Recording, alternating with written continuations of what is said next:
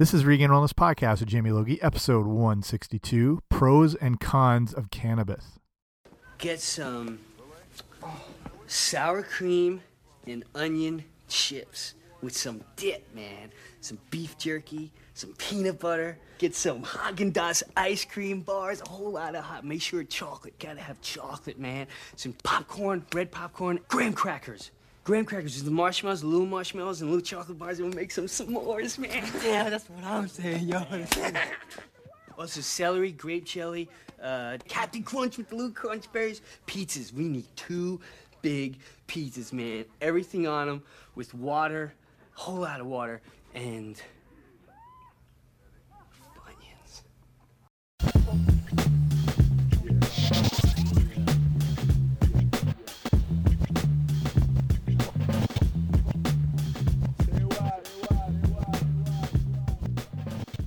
Hey guys, what's happening? Welcome back to the podcast. I'm Jamie Logie. I run regainwellness.com, and this is the Regain Wellness Podcast. Thanks for coming on out. Or if you're brand new, extra special, welcome. So, this, I'll just get right into it. This podcast has disclaimers like all over the place here um, that I'm not advocating anything to do with cannabis. It's not something I do or part of my life, but uh, I'm Canadian, and today is, let's have a look here, October 21st, 2018. So last week, cannabis became legal completely nationwide, coast to coast. One of only a couple countries in the world that it's completely legal. There's a few, I don't know where you're listening from. Um, if you're Canadian, you know all about this. This is all we've been like listening and dealing with. And, you know, there's Colorado has it. I think Michigan is looking into the whole thing. So it's been such, especially living here, it's been with the lead up to it going legal. It was actually supposed to happen in, I think, July or June. And for whatever reason, everything got pushed ahead and so many logistical things to do with it. And in the weeks and months leading up to it, we've just been inundated with information about, you know, why it's legal, you know, the the problems and potential issues that will come with it. On on, on the same side, a lot of the health benefits that come with it too. So I thought it's worth looking into. Just it, it's always a relevant topic, and it's always kind of at the forefront of whatever.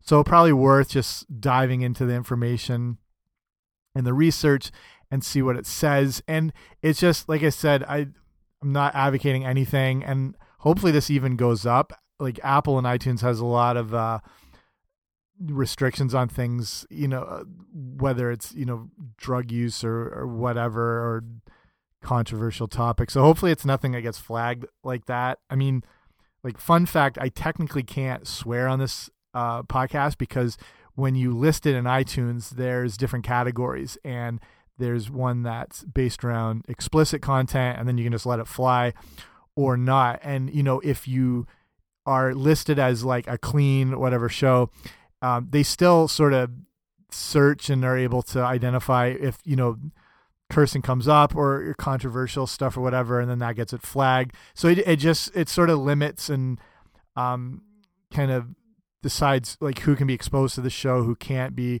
stuff like that. So if you've listened to these any of my episodes, I've had a lot of guests on, and I had, uh, if you know Diamond Dallas Pages, he's a professional wrestler now who runs this really popular yoga program, and I had him on talking all about all this stuff. But the guy curses like a sailor, and so like every three or four words. So it took me honestly, like probably four hours just to edit all the uh, f bombs out of that show. But it's an awesome show, so go listen to it. So that's the whole thing. So if you're listening to this, it obviously got through what it needed to get through, and you're listening. So like I said, disclaimers. It's just more looking at what at the moment where I live has been a massively big topic, and it comes down to the fact, like if you know whether you're pro or against it, we live in a society where we have legal stimulants and legal drugs available to us, whether it's from the simplest one like caffeine, which is a psychoactive drug, no matter how you look at it, probably the, the world's most consumed drug, to the fact, you know, tobacco and alcohol are legal in a sense. And then, you know, they're available there. I mean, and you're almost encouraged to buy it. They're still, they advertise Bacardi and Marlboro, Marlboro Lights and cigarettes and all this stuff is you know not only available but it's it's almost like it's encouraged at times you know what i mean if you've watched any beer commercials you almost feel you're left out if you're not you know consuming this product which goes for any product but the fact they're doing it with these like legal addictive drugs. So it with marijuana and cannabis it sort of falls under that umbrella. And the fact that depending on what you look at is it as harmful as those other things like tobacco or alcohol? You know probably not. And we'll get into it more here. So that's why it's always just been, you know, under this sort of prohibition thing. And in Canada, it's been what 90 plus years since it was sort of cracked down on and all that sort of thing. So um, if this is new to you or you're against it or for it, there's you know information on both sides. So I'll try and cover everything. Um, and again, again, not advocating. Okay. So I thought I'd start with this, and you heard me use the word prohibition, and everyone you know, obviously associates that with alcohol, but it's kind of interesting. Um, I don't know if many people like know this of why marijuana in the first place became, you know, banned how it was. You know, if you look back into the like late 1800s and stuff, and people were using kind of narcotics willy nilly and, you know, carrying around snuff boxes and opioids and, um, you know, the idea of cocaine being in Coca Cola, which is not technically true but it goes there's two men that are are honestly responsible for kind of the modern uh, federal level legal prohibition of marijuana again more based in the states that's been around for 78 years so one is named harry anslinger and the other is william randolph hearst you probably know of he was the huge newspaper mogul and if you've ever seen citizen kane that I that Charles Foster Kane that was you know I guess roughly based on William Randolph Hearst. So Anslinger was um, this government bureaucrat who in 1930 became the director of the Federal Bureau of Narcotics,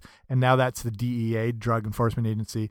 So he this this is like a whole nepotism story. His he was appointed by his wife's uncle, and William Randolph Hearst, like I mentioned, was the publishing mogul and also a timber mogul. He owned a major uh, proportion of, of newspapers and popular magazines and a lot of timber mills and forests and everything like that. So think of him sort of like Rupert Murdoch in his day. So, um, with according to like the biography on Hearst, he did not like a lot of minorities and poorer people and stuff like that, and he used a lot of his chain of newspapers to kind of keep tensions up a lot of the time, and his in in his eyes he thought these motives were justified because he lost around 800,000 acres of timberland to uh, the the Pancho Villa during the Mexican Revolution.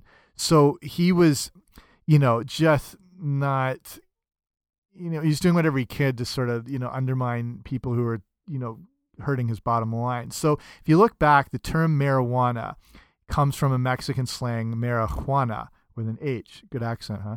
And it was first coined in the U.S. in the 1890s. It was popularized in the early 1930s by I get that at the time the Federal Bureau of Narcotics in articles appearing in you know magazines and newspapers owned by Hearst. So Hearst, you know, via his publishing empire, continually attempted to taint public perception of the plant by leveraging you know kind of popular prejudice prejudice against Mexican Amer Americans. So the Mexican Spanish term marihuana with the H was used to elude the public's existing sort of familiarity and comfort level with hemp and the medical application of you know cannabis tinctures and stuff like that. And it was interesting it wasn't marijuana cannabis at the time wasn't commonly smoked.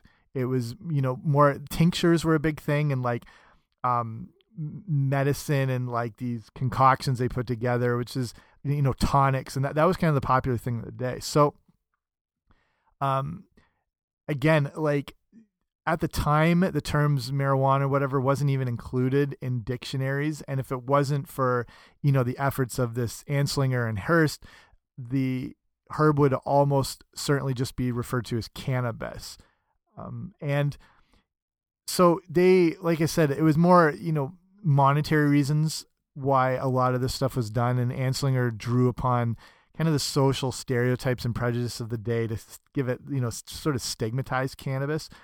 And, you know, like he would say there are 100,000 total marijuana smokers in the U.S., reading quotes from the excerpts from the books and everything. And he said most are, you know, Negroes and Hispanics, Filipinos, and entertainers.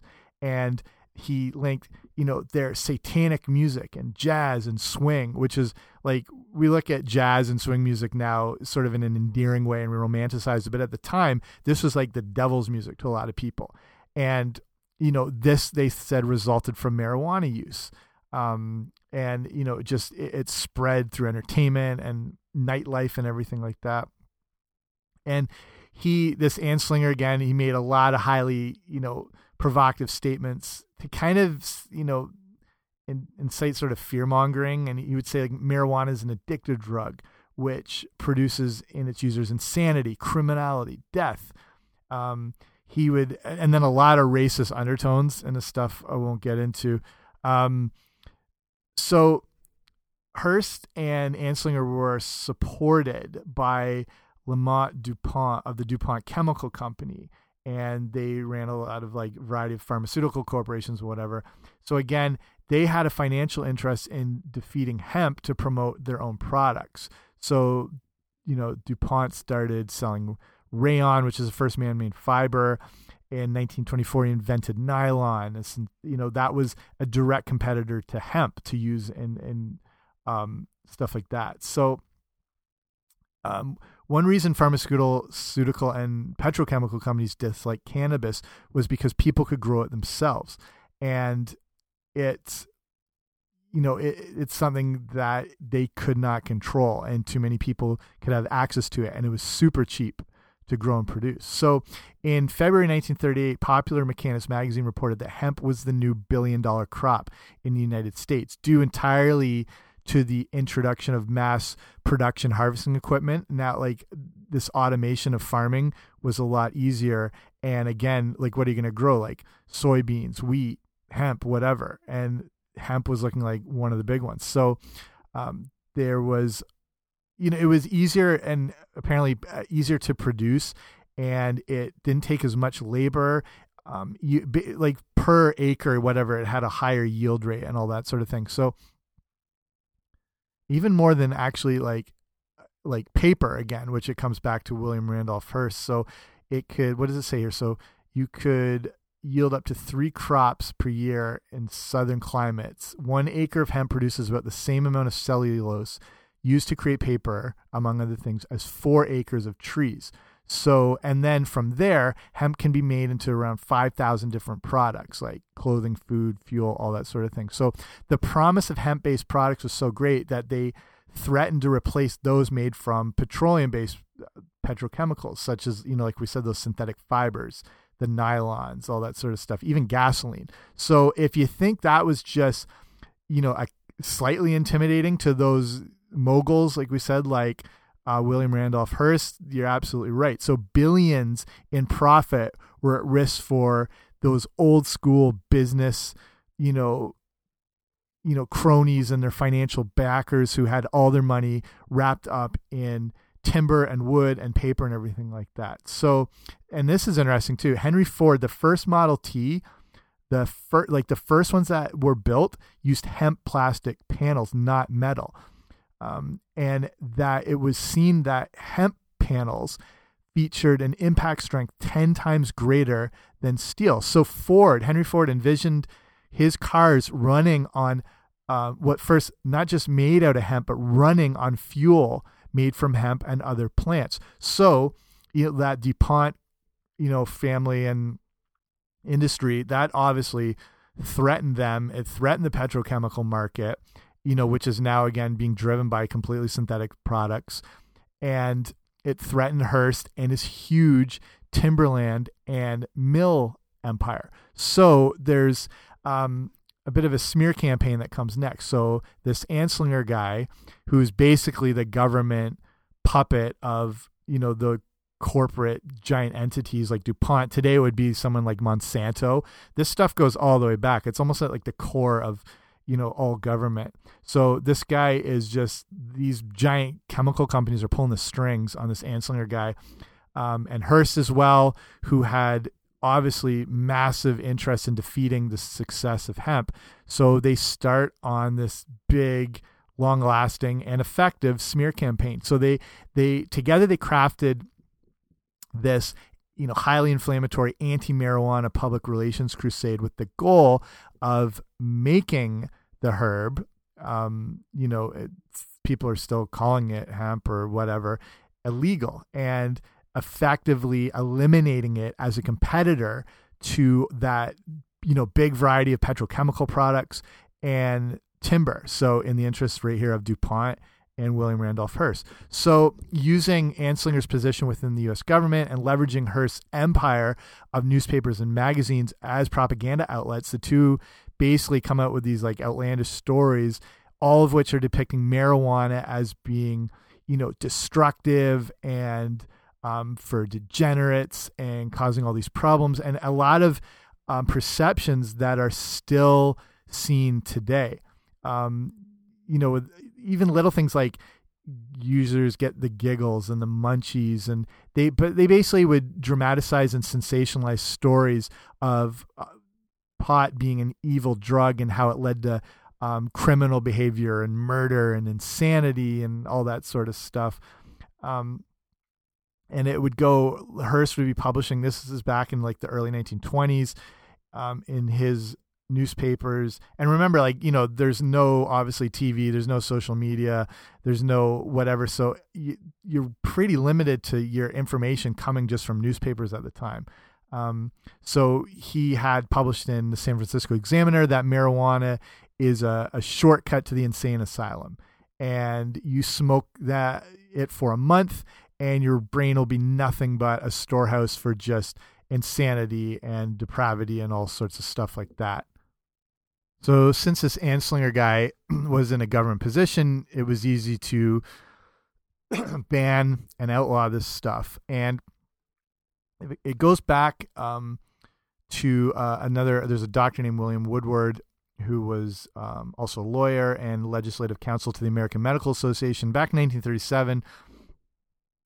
There was, you know, in front of Congress, he said there's no evidence that the herb is dangerous, um, stuff like that, and it was basically like it was so easy for these big kind of companies and whatever to basically call the shots and have this stuff outlawed so quick. Um, and and during the time when they were going just through testimonials and whatever to you know have this bill passed or whatever, there was uh, only two medical doctors that actually opposed it compared to um, a lot of information and other speakers and representatives saying it wasn't uh, as bad as people made it out to be. And then, you know, sort of evolving into the 60s when a lot of people or kids of the parents who said this stuff was terrible started smoking it and they're like, well, we're not murdering people and we're not, you know, going nuts or whatever. So, but at the time, by then, you know, it's obviously well put into place. And that brings us to today here in Canada and parts of the US where, you know, people sort of stepped back and said, let's take another look at this, considering what else is available and legal for people to buy. And, uh, you know, I touched on tobacco and alcohol being the other big ones, but if you look at some of the other stuff that is legal as far as, you know, just say straight up chemicals that exist in the environment and um, from my standpoint on doing like a health related show, look at things like artificial sweeteners and aspartame that have been linked to a lot of problems, more problems in a lot of cases than Uh, say you know marijuana and i've done a lot of shows on artificial sweeteners if you want to listen to those or check out the show notes today which would be regainwellness.com slash 162 and i'll link up anything i've been talking about so and then look at other things like trans fats which are one of the worst additive. I can't even call it an additive, but creations that we have that we are we've been consuming for decades. Finally, people are realizing like this stuff is actual poison and has been killing people, and, and now it's been slowly put into place to start phasing the stuff out. And again, here in Canada, I'm not even sure what the timeline is. I think within a couple years, um, it's got to be gone from all products. And it, you know, things, you know, packaging had to indicate trans fat content, things like that. Again, this is a man-made poison that has just been fed to us, you know, sort of with no regard for health, because again, um, it's cheap to produce. It leads to a better bottom line. There's less wastage. There's longer shelf life. Yeah, high fructose corn syrup is another one. Again, like actual poisonous stuff and what it's doing to people. So I think it's just th this is kind of what draws me into the whole debate that I understand why um, marijuana can sort of sit at the table as being legal when all this other crap is and you know it's you know looking not to be as bad as some of these things again like the trans fats and the high fructose corn syrup and stuff like that so that's a long rant on the previous past but i find that i find it very interesting um, and it kind of goes in again. I recommend you listen to the the episode I did on aspartame because aspartame followed almost exactly the same path as marijuana, but in the reverse way as far as getting it legal. And in its case, it was from the get go, it was already seen as dangerous. People would not um, promote it. You know, doctors and consultants and anyone like in the FDA would not approve it to go through. And it took a guy who worked um, in the Reagan administration and how he was kind of, again, not surprisingly, um, coerced by giant multinational companies, multi billion dollar companies basically to get this stuff passed through for human consumption because there was a lot of money to be made in it when the regard for safety was you know just thrown out the window. So um again so like yeah listen to that episode. It it's really good and and the information. So it, it kind of parallels this in a bit. So but looking at the actual breakdown here and I mean, can go into like more detail on how you know marijuana is produced and cultivated and everything like that. But I, I want to look more at the issues in it that either can be beneficial for health or maybe not so beneficial. And starting off, we're looking at the compounds in it that are creating these effects. So it's CBD versus THC and what the differences are. So the two, so CBD is cannabidiol, and I can never say that properly. And then, if you want to make it worse, I'll try and say THC, which is tetrahydrocannabinol, something like that. And those are the two natural compounds found in the plants of the cannabis genus. And so CBD, so you might be familiar with these or you might not. So CBD is found primarily in extractions from the hemp plant. So you can get it in gels, gummies, oils. It's getting really big as a supplement um, in, you know, in an extracted form for things like you know joint pain, um, anxiety, sleep, everything like that. So THC, which you probably know, that's the that's the psychoactive compound in marijuana, and you know I mentioned you know caffeine is probably the most well known psychoactive that we consume by the boatload. Um, and sort of not regard it, but you know what I mean. It's just it's such a common thing. So it'll be interesting to see a hundred years from now whatever, how marijuana will be viewed and all that sort of thing. So obviously it's consumed by by smoking marijuana, but it can come through in oils, edibles, tinctures, tinct tinctures, capsules, everything like that. So both compounds interact um, in your system, but have very different effects. So the chemical structure have the they, the CBD and the THC have the exact same molecular structure 21 carbon atoms, 30 hydrogen atoms, and two oxygen atoms. And a slight difference in how the atoms are arranged accounts for those differing impacts on the body. So, CBD and THC are your body makes its own um, what they call endocannabinoids, and you're you have an endocannabinoid system and the CBD and the THC are chemically similar to your body's own endocannabinoids. So this allows them to inter interact with the receptors. And the interaction impacts the release of neurotransmitters in your brain. And you know, neurotransmitters are chemicals responsible for relaying messages between the cells. so despite the fact that they have the same chemical structure, they have different psychoactive effects. So, actually, like CBD is classified as a non psychoactive compound. So, it doesn't produce the high that comes from THC. So, THC binds with what's called the cannabinoid 1, a CB1 receptor in the, in the brain, and it produces a high or a sense of euphoria. And the CBD binds very weakly, if at all, to those CB1 receptors in the brain. And actually, it can interfere with the binding of the THC and can actually lower the psychoactive effects. So, and you know, well, we still have to look into the legality of all this stuff. So the issue of legality for both the CBD and THC in the U.S. Um, have been changing, and obviously they've completely changed here in Canada. And all forms of cannabis are illegal in states that haven't legalized it, and marijuana and THC are on the list of controlled substances, obviously prohibited under federal law.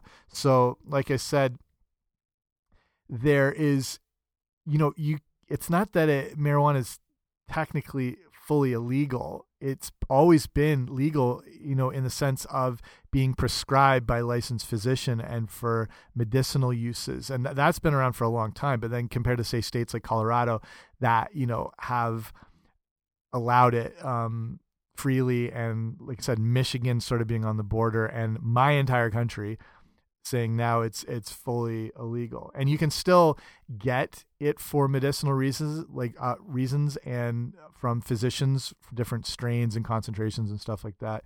It's such a complicated thing like how this is all being put together because uh, as of i think it was the 17th october 17th was the first day.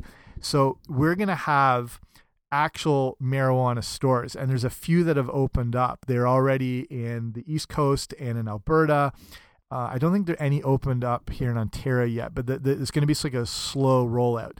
So these stores are going to be all over the place. So as of October 17th, it was available to be bought online. So, but through the government. So if you don't know Canada, we have our um, stimulants controlled as far as, say, in the case of alcohol.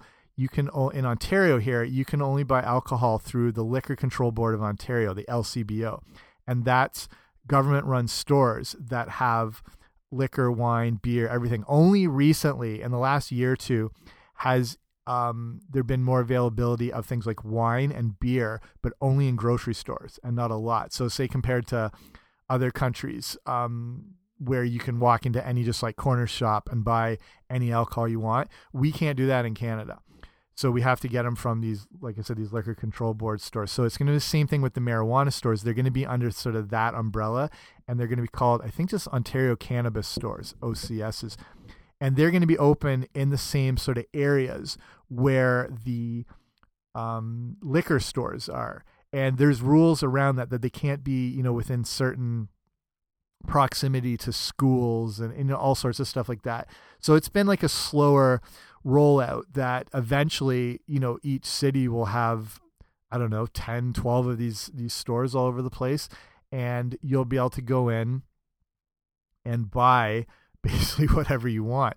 And I think the law is you can only have 30 grams on you at one time. You're allowed to grow marijuana at home. Again, uh, it's probably a certain amount um, before it gets into looking like you're, you know, growing it for distribution. And that's one of the reasons in Canada that why they wanted to pass it. And you know, I I got to think first the monetary gain is a big one because like the first day weed went legal in Canada, all the stores were sold out, all the online stores were sold out. They made millions just in the first day. So this is a giant um, cash grab. But the other reasons were that they say, and and obviously seem legit was that they want to be able to take marijuana out of the hands of illegal growers and distributors, um, control more of that, control its availability so that it's not as available to say young people. Um, and so these are, are some of these reasonings behind it that they'll take a better grasp of the whole market by controlling it, and the sort of black market won't be as bad for it. So, like I said, in the stores, you can go in and you can buy different strains you eventually you'll be able to buy like in you know oil forms even edibles and they're going to be able to control the concentrations and stuff like that, where you can balance, um, you know, THC levels to CBD levels and stuff like that. So I was talking about earlier the medicinal reasons.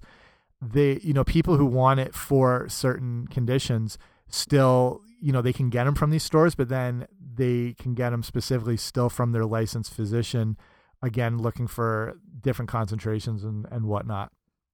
So one of the big issues when marijuana has always been um, illegal is they're like people talking about like the CBD like th this should be more available because it doesn't have the you know the high drug related effect that the THC does. It doesn't even have the same issue as like it doesn't even hit your body like caffeine would or sugar would or you know tobacco obviously. Um, so that that's always been sort of at the forefront. And now we're looking like more into the medical benefits. And CBD and THC actually have some of the same medical benefits. They can provide, again, relief from a lot of several um, from several different conditions. And again, when you're using CBD, you're getting that relief, but it doesn't have that high effect associated with THC. And a lot of people prefer the CBD. They just want the relief from different conditions I'll get into in a sec. So they actually, in June um, this year, 2018, the US FDA, they approved uh, a product called uh, Epidiolex. And it was, um, it's the first prescription medication that contains CBD. Um, and it's used to treat rare but difficult to control forms of epilepsy. And again, depending on your thoughts, it's and and and I see the justification is like, why are we not using this stuff, and why is it illegal if it actually can be um, helping people, and that's why a lot of people are advocating for it. And in Canada, they've decided, yeah, that's okay. It's got a lot of benefits compared to say tobacco. Like where there is not a single benefit in tobacco, and it's legally sold and pushed on everyone. Um, so the conditions, like we're talking about with like relief wise with CBD, that it can help in things like seizures, inflammation, pain, psychosis and mental disorders, uh, IBS, inflammatory bowel disease, which I did not know until I was researching all this, nausea, migraines, depression, anxiety. Um, some of the big reasons right there for it. So THC as well, eh, you know, in conjunction with the CBD, if you're just smoking or using marijuana in whatever form, they're they're put together, and then again, there's different balances. But the THC uh, can be help be helpful for things, um, just general pain, um, muscle spasticity, glaucoma. Most people are aware of that. Um, insomnia, low appetite. Just sort of throw back to my intro. If you knew that from the classic movie Half Baked, where Jim Breuer is going off on the amount of snacks they can uh, are needing with the great Dave Chappelle. Fun fact: I saw Dave Chappelle live a few years ago, which was a sorry side rant, huge thrill. Like you know, one of the great comedians of our time. He's kind of considered like the Bob Dylan of uh, this era in comedy. And he did this small little pop up show um, in Toronto. And this was after he'd been. If you if you know Dave Chappelle and he, he did the Chappelle show and then there was he walked away from it and he's just sort of disappeared for years and years and then slowly started coming back and then he did these four pop-up shows two in Detroit and two in Toronto and my brother got tickets somehow for this small little theater. I mean, like people were dying for tickets. It maybe held, I don't even know if it held 300 people. And we get in there and there's a DJ on stage. And we're like, oh, that looks like Drake, but you know, he wouldn't be here. Walk up and it's Drake who just wanted to hang out for the show. And he was just DJing the, the pre-show and whatever and hanging out with everyone. And then to see Chappelle, which was amazing. He did two and a half hours, but the la and the thing with Chappelle, he's just so kind of unpredictable. Where like like a week or two before, he hated people like trying to record him or whatever, and just walked off stage. And then one show, people were like heckling or just yelling out, just I don't know, they're thrilled to see him or whatever, but he didn't like it. And he said, I think it was in Dallas, and he sat on a chair for 45 minutes and just smoked as people were just sort of losing their minds. So like we're going in like who knows what's going to happen. And he does like an hour 45 minutes of just amazing stuff that again like I've never I haven't seen him doing any of his other specials, and I wish I like could have recorded it just to remember it all. And then he starts to take crowd questions, and the crowd's just jackasses, and everyone is I don't know what happened that night. Everyone is just yelling stuff out, and he starts to like lose it. And he spent probably 45 minutes just on stage walking around answering some stuff but just sort of like ripping into the crowd he'd say something funny and then people would yell and he just wouldn't talk and whatever and you're like wow. And then by the end of it we left and you're just you're like what was that? And then you just realize that was the perfect combination where we saw this guy do two hours of stand up and then saw this sort of minor meltdown. So we kind of got everything we wanted. But whoa i digress there. So just talking about dave chappelle and the movie half baked and the um, use of THC for low appetite. And that's kind of like the stereotypical stoner thing, the munchies, but it's used in, for a lot of people, and especially a lot of elderly people who don't have that um, necessarily good appetite and they need a lot of nutrition and nutrients and a lot of protein, especially as you get older. So it's used for that. And again, like I said, um, I probably already said it, like nausea, anxiety, stuff like that. So a lot of good benefits.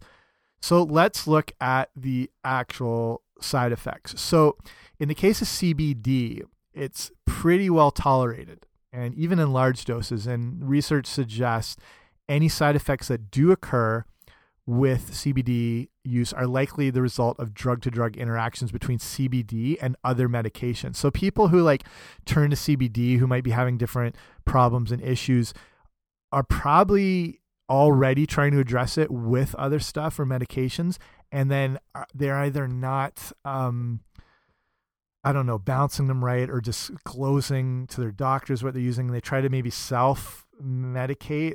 That that's kind of the wrong word. When people self medicate, it it kind of get that connotation of um, potential hurting. But I think they try to self diagnose themselves and then um, use CBD in conjunction with those other things, and then that's more what's looking to be causing the issues. So that you know, if if this is something you do or concern, like you know, obviously talking to your doctors and looking at what using as far as other medications and you know even like aspirins or whatever. So with THC though, um, some of the temporary side effects can include increased heart rate, uh, coordination problems, dry mouth, red eyes, slower reaction times memory loss. And so this is why, you know, say in Canada where um, cannabis is now legal, it doesn't mean it's just like a free for all. You still, you know, you can't be high and drive. You can't smoke it in public. The same thing like where you'd have like a cigarette or where you can't, same thing, you can't be consuming it in like those public places. And, you know, there's limits on what you can have as far as driving. And here it's like 0.08 blood alcohol volume with the, you know, um, as far as how much you've drank and when you can operate a car. And so same thing with marijuana. It, it's it's just not you know um, open season on just doing whatever, and especially driving because of the slower reaction time. Actually, within apparently out in Nova Scotia and the East Coast, within the first hour when marijuana was legal, someone was already arrested for uh, toking and driving in their car, which is hilarious. Okay. Um, and then there's also the memory loss component that are sometimes associated with potheads, unquote. Um, so interesting. These side effects are part of, again, the compound's psychoactive properties. And if you look at another psychoactive drug like caffeine, it's got a few of these same things. Not exactly, but, you know, the increased heart rate. Um, sometimes there can be the anxiety. Um, there can be the you know the over obviously overstimulatory effect. It can result in a little dry mouth and, and an increase of thirst. That's sort of a different issue, but like you know that's what we're just talking about with psychoactive um, components. So the interesting thing that it comes down to is neither compound CBD or THC is considered fatal, but in high THC use, it can be connected to long term negative psychiatric effects. And very importantly, very true for adolescents who consume large amounts of THC. It the use of of um, marijuana again and again primarily the THC that's in it can increase the risk for some um, psychiatric disorders such as schizophrenia. And that's why, you know, when people always say, like, you know, why are is tobacco limited to a certain age and why is alcohol why can't you get it till you're 21 in canada it's 19 in other places it's in quebec in ontario or in canada it's 18 some countries it varies. And it, you know sort of that debate of like you know you're allowed to vote you're allowed to fight for your country but you're not allowed to buy like a bottle of um merlot. And you know it's like why? But it's it's that's the reason why these compounds are are restricted and um controlled because for young people when your brain is still developing you can't hit it with all this stuff. Um and there there's you know even um insights that your your brain is still developing into your early 20s even in some people even say like to 25 which i'm not sure if that's true or not but it's definitely 18 19 20 like your your brain is still going through these changes and transitions and growing and it just cannot handle things like um, alcohol tobacco thc as compared to someone who's 40 just because of that development so there's a very good reason why these are controlled substances so again like that's why we're looking at um, with cannabis today it's not all you know sunshine and rainbows there are some issues and especially for young people I think I might start uh, winding it down here. Holy crap! It's already been like forty minutes. Like again, this this can go for this episode could go for weeks based on all the information out there. And like I was mentioning, here in Canada, it's just we've been um, bombarded with information on all viewpoints to do with it, just to educate people. Because for a lot, you know, and I understand like people freak out. They're like, "How can this be legal? It's a drug." And I, I think you know. A, a big amount of education is very necessary for people at least get an understanding of what it is and then make more conclusions if they were either on the fence or they're completely ignorant about it. So like, you know, there's just so many um you know commercials you see and and even like full page ads in the paper and then obviously um people encouraged to get online to educate themselves and everything. So like hopefully you might not care less about this. That's cool. Um but it's always going to be a relevant topic, I think, and uh, so it's just more about presenting as much information as possible. Um, and again, like I said, it can go on forever. It's just, um, you know, obviously CBD and THC both have some medical benefits. Um, they're technically both considered safe, and you know, but despite that, they remain illegal um, in a lot of U.S. states, not the whole country, but um, in my country now, it's not considered an issue. So I don't know if that's going to end up with a more a flood of people hitting up our border or whatever. So I don't know. I'm just like I'm curious what other people think or people from other countries or if they're looking at Canada as being ridiculous for doing this.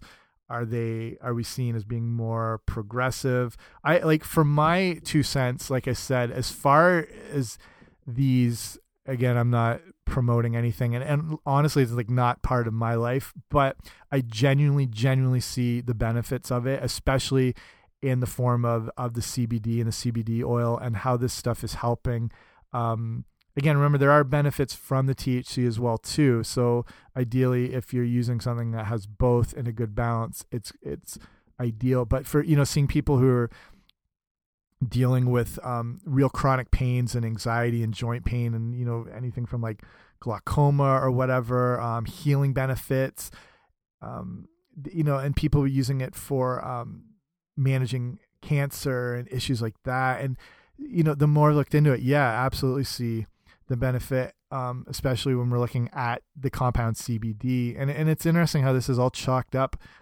to whether you consider this a drug or a plant and if you consider it a plant, you know, we use a lot of other plants for a lot of benefits, but can have, um, you know, positive outcomes in our life. But then some plants, like tobacco, can cause issues too. I would say, again, from my viewpoint, I don't think it's a good idea to physically smoke it. And that's because you're burning organic material, and that can still create maybe some carcinogens. And it maybe it's not that well obviously is not good for your lungs it's not going to have all the other crap like tar and nicotine and fillers and chemicals that um, cigarettes would have but i would say you're still creating like acrid smoke and I, I don't think that's a good idea. I think maybe in the other forms, like with the oils, um, edibles or whatnot, that's probably a better way to take it. That's my viewpoint. That's something I wouldn't do. I just th that idea of inhaling anything, I I'm just not a fan of. Um, I, I, I like the odd cigar, so hopefully I'm not a hypocrite for saying that. But um, that's a whole other issue. So that yeah, that's everything. If you, I'm interested, like I said, what you have to think. If this is something you want to chime in on, throw me an email to info at regainedwellness.com. And yeah, just be interested to see what people have to say or discuss it further. So I will cut it off there. Thank you for taking the time to listen to this. Hopefully, you learned stuff. I, I think people learn a lot, especially that earlier issue of uh, how marijuana was sort of brought to be illegal and a lot of the stigma that's been attached to it, which looking back was, you know, maybe not the correct way to go and was more for corrupt reasons than for anyone's health. But when it comes to a lot of things like that, that tends to be the case. So, um, that's it. If you want to check out, like I said, the show notes where I can link up some of those other episodes, like the aspartame one and some more information, it's regainedwellness.com slash one six two. If you like this show, if it's actually been published, uh, make sure you subscribe. Probably on iTunes is where you get it, or sorry, Apple Podcasts. Uh, but I'm basically anywhere where you would find podcasts. Um, subscribe that way you get shows automatically sent to you. Um, easy peasy lemon squeezy. Okay. Thank you for listening. Talk to you later. Did I actually say lemon squeezy? Okay, whatever. Bye. I'm not high.